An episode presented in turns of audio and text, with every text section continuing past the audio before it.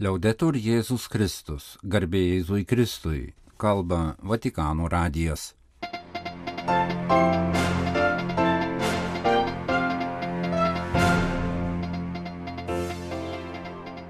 Malonus klausytojai šioje pirmadienio lapkričio 6 programoje Pranciškaus audiencijoje pirmadienį 7 tūkstančiai vaikų. Popiežius kalbėjusi su Irano prezidentu. Kitos Pranciškaus audiencijos.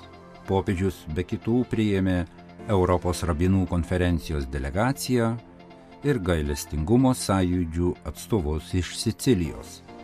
Harkivas statys pirmąją Ukrainoje požeminę mokyklą Lapkričio 30-ąją bus įteiktos 2023 m. Ratzingerio premijos.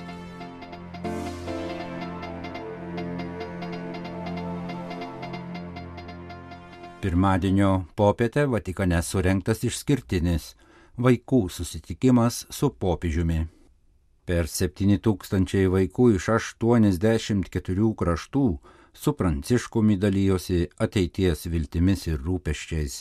Keturiolika vaikų atstovų iš penkių žemynų uždavė popiežiui klausimus, o kiti penki vaikai iš Ukrainos, Sirijos, Benino, Gvatemalos ir Australijos pasveikino popiežių. Susitikime surenktame didžiojoje Pauliaus VI audiencijų salėje pristatyta vaikų enciklika dviejų italų autorių veikalas apie vaikų vaidmenį, priminant suaugusiems jų atsakomybę už mūsų bendrųjų namų, planetos, su kuria elgiamasi netinkamai gerovę. Popiežius veikalo pratarmėje užtikrino vaikus, kad jūsų popiežius, jūsų senelis padarys viską, kad galėtumėte gyventi gražesnėme ir geresnėme pasaulyje apie popiežiaus susitikimą su vaikais kitose Vatikano radio laidose.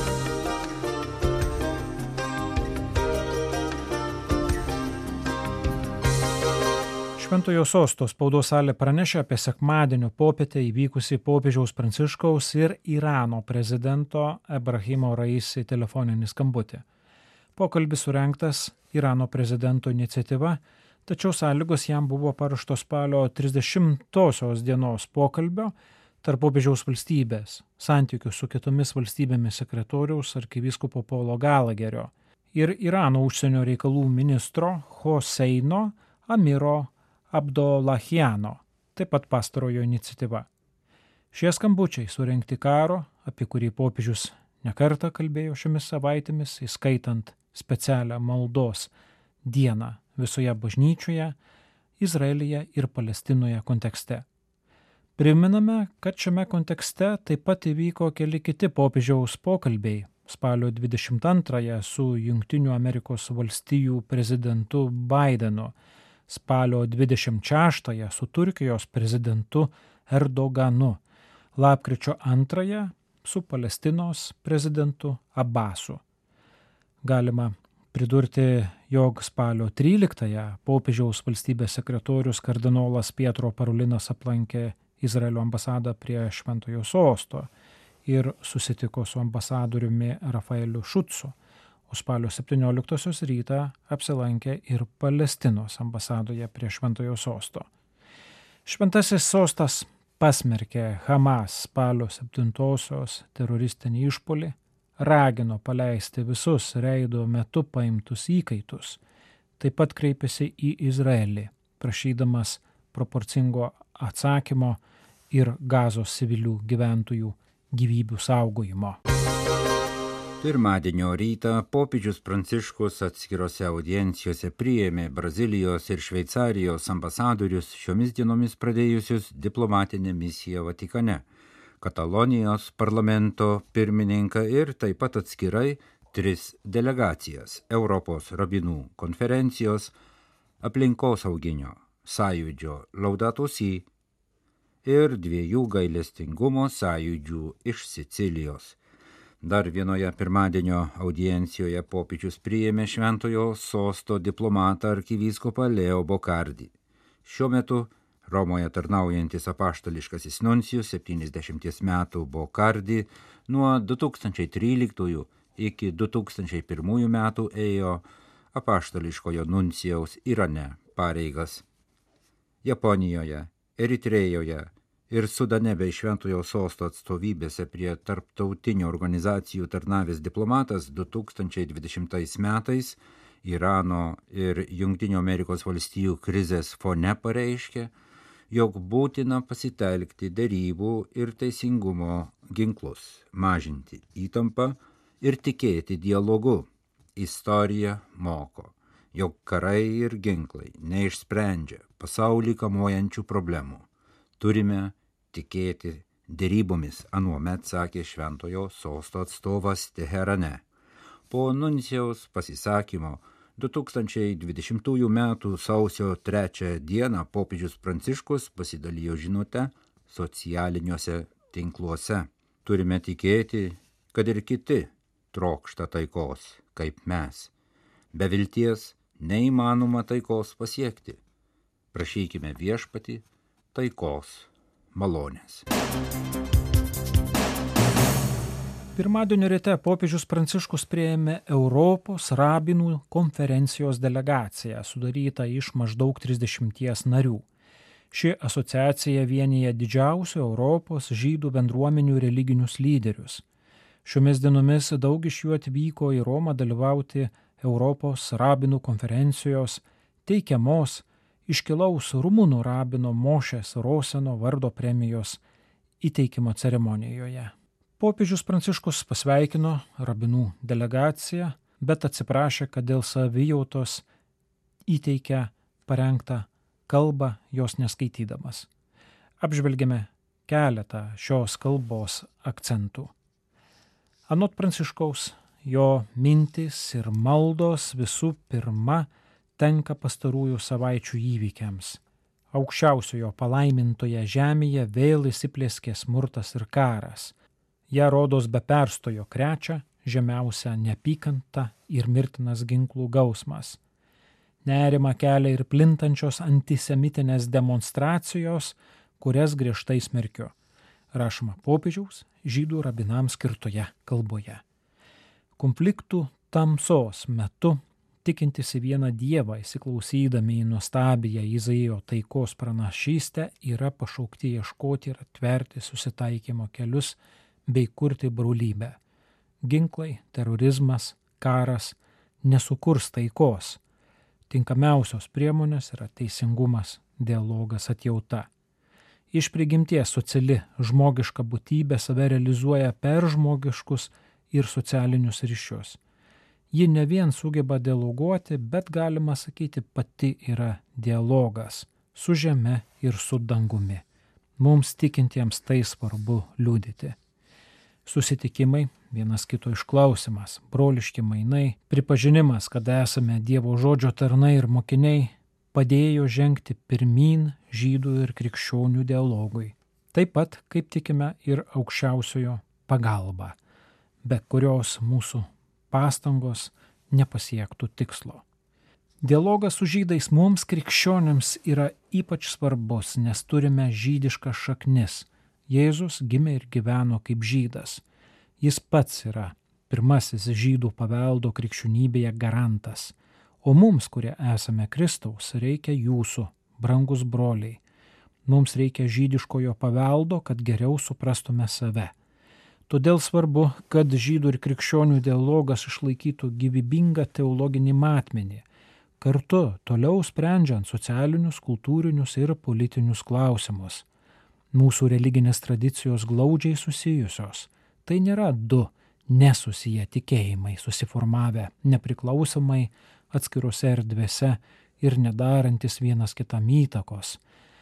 Rašoma popiežiaus pranciškaus pastabose, skirtose Europos rabinų konferencijos delegacijai, kuriuose taip pat primenami ir Šventojo Jono Pauliaus antrojo žodžiai, jog žydai yra mūsų vyresnėjai broliai, Todėl dialogas su jais yra ne tiek tarp religinis, kiek šeimininis. Brangus broliai esame susaistyti vienas su kitu Dievo akivaizdoje. Esame pašaukti kartu per tarpusavio dialogą liūdyti jo žodį, o savo elgesiu jo taiką. Tegul istorijos ir gyvenimo viešpat suteikia mums drąsos ir kantrybės tai daryti. Šalom. Linkima Pranciškaus kalboje. Jūs klausotės Vatikanų radio žinių laidos. Tęsėme programą. Pirmadienio rytą popiežių Vatikane aplankė dviejų gailestingumo sąjūdžių atstovai iš Sicilijos. Apaštališkoji gailestingumo brolyje mini 25-asias savo veiklos metinės. Mažųjų gailestingumo namų sąjūdis džėloje 10-asias metinės. Abu sąjūdžiai vadovaujasi garsiųjų gailestingumo apaštalų Šventojo Jono Pauliaus II ir Šventosios Faustinos Kovalskos mokymų. Popiežius Pranciškus pasidžiaugė sąjūdžių veikla ir ryštu įvairiomis artimo meilės iniciatyvomis rūpintis žmonių gerovę, pradedant nuo sunkumus patiriančiųjų nuo valgyklų vargstantiesiems ar amatininkystės kursų iki pagalbos nuo kitų atsiliekantiems moksleiviams ir sunkumus patiriančioms šeimoms. Paraginęs toliau tęsti gailestingumo darbus, Pranciškus prašė dviejų sąjūdžių narių stiprinti pamatus, kuriais grindžia vykdomus darbus. La spiritualità della misericordia e dell'unico pane. Gailestingumo ir vienos duonos dvasingumas kviečia pagal Šventojo Jono Pauliaus antrojo mokymą būti nuolankiais, Eucharistinio Jėzaus mokiniais, su juo atskleidžiančiais tėvo veidą. Puoselėkime troškimą, kad visi su jumis susitinkantys žmonės galėtų jį pažinti darydami gerą, stenkitės nuolankiai tapti nematomais, taip kad per visus jūsų veiksmus būtų galima pamatyti tik tai viešpati ir visi galėtų ateiti pas jį. Anot šventosios Faustinos, nuolanki siela paveikia viso pasaulio likimą. Priminė Pranciškus ir pridūrė. E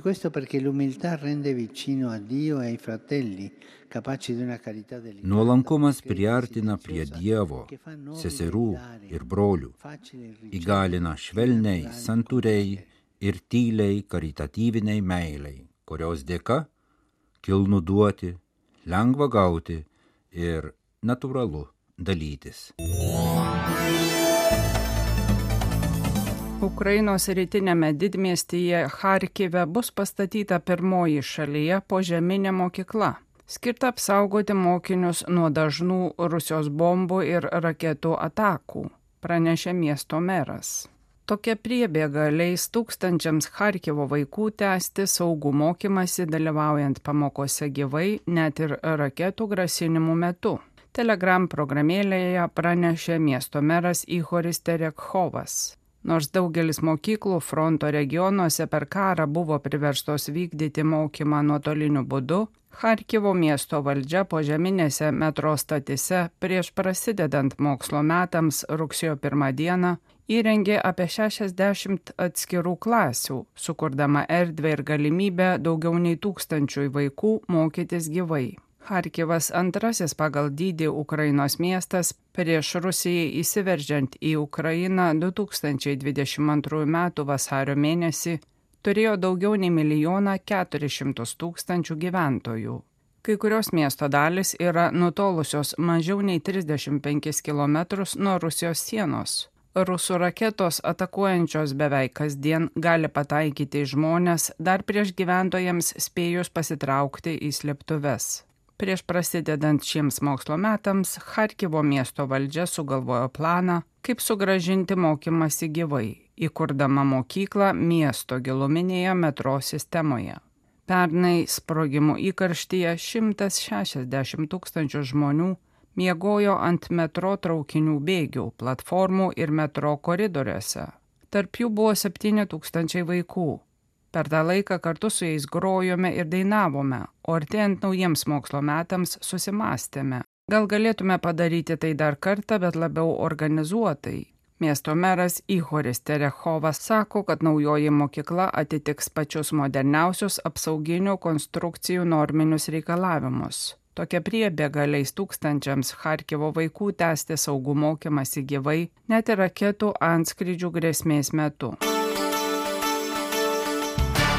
Ratzingerio fondas pranešė, jog lapkričio 30 dieną kardinolas Pietro Parolinas, popiežiaus valstybės sekretorius, įteiks 2023 m. Ratzingerio premijas, kurios šiemet yra skirtos dviem akademikams iš Ispanijos - profesoriui kunigui Pablo Blanco Sarto ir profesoriui Franceskui Torralba. Ratzingerio premija yra skiriama už didelės vertės publikacijas, tyrimus, taip pat nuopelnus menos rytyje. Ratzingerio fondo pranešime priduriama, jog dieną anksčiau lapkričio 29-ąją popiežiškajame Grigaliaus universitete Romoje įvyks tarptautinis studijų seminaras apie Benedikto XVI palikimą. Lapkričio 30 rytą taip pat bus aukojamos mišios už Benediktą XVI, nuo kurio mirties 2022 gruodžio 31 bus praėję ko ne metai. Fondo pranešime nurodoma, jog profesorius Pablo Blanko Sarato gimė Saragosoje 1964 ir studijas baigė Navaros universitete, kuriame šiandien pats dirba. Ispanų kuningas taip pat studijavo Romoje, kur apgynė filosofijos daktaro laipsnį. 2005-aisiais Navaros universitete apgynė ir teologijos daktaro laipsnį. Savo darbe jis nagrinėjo būtent kai kuriuos Benedikto XVI teologijos klausimus, kuriais užsiemė ir kitose vėlesnėse publikacijose. Profesorius bendradarbiauja su įvairiomis akademinėmis institucijomis Vokietijoje, Latino Amerikoje ir Ispanijoje, priklauso kelių akademinių leidinių redakcijoms ir prisidėjo prie visų Josefo Ratzingerio raštų išleidimo ispanų kalba. 1967 metais Barcelonoje gimęs Franceskas Toralba Rusello yra susituokęs penkių vaikų tėvas. Apgynė filosofijos daktaro laipsnį Barcelonos universitete, teologijos daktaro laipsnį Katalonijos teologijos fakultete, daktaro laipsnį iš pedagogikos srities Ramono Lullo universitete ir dar vieną daktaro laipsnį iš krikščioniško meno, archeologijos ir istorijos srities Sampacija institute, kuris taip pat yra Barcelonoje. Tai labai produktyvus autorius išleidęs virš šimto didesnių publikacijų ir daugybę straipsnių. Pirmą kartą Ratzingerio premijos buvo įteiktos 2011 metais, o jų gavėjų skaičius, įskaitant abu ispanų autorius, pasiekė 28. Galima pridurti, kad prieš keletą savaičių, spalio 17-ąją, Ratzingerio fondas taip pat įteikė atviro proto premiją skirtas akademikams, kurių darbuose stengiamasi apžvelgti įvairias disciplinas ir vystyti tarpdisciplininį dialogą tarp humanitarinių, tiksliųjų ir gamtos mokslų. Tarpdisciplininis dialogas taip pat buvo svarbus Benedikto XVI minties matmuo. Savo pranešime Ratzingerio fondas taip pat informuoja, jog Libano sostinės Beiruto Dievo motinos universitete lapkričio 90 dienomis planuota konferencija skirta Benedikto XVI apaštalinio paraginimo bažnyčia artimuosiuose rytuose išleidimo dešimtmečiui ir jo paskutiniai tarptautiniai kelioniai į Libaną atidėta dėl konflikto ir įtemptos situacijos regione.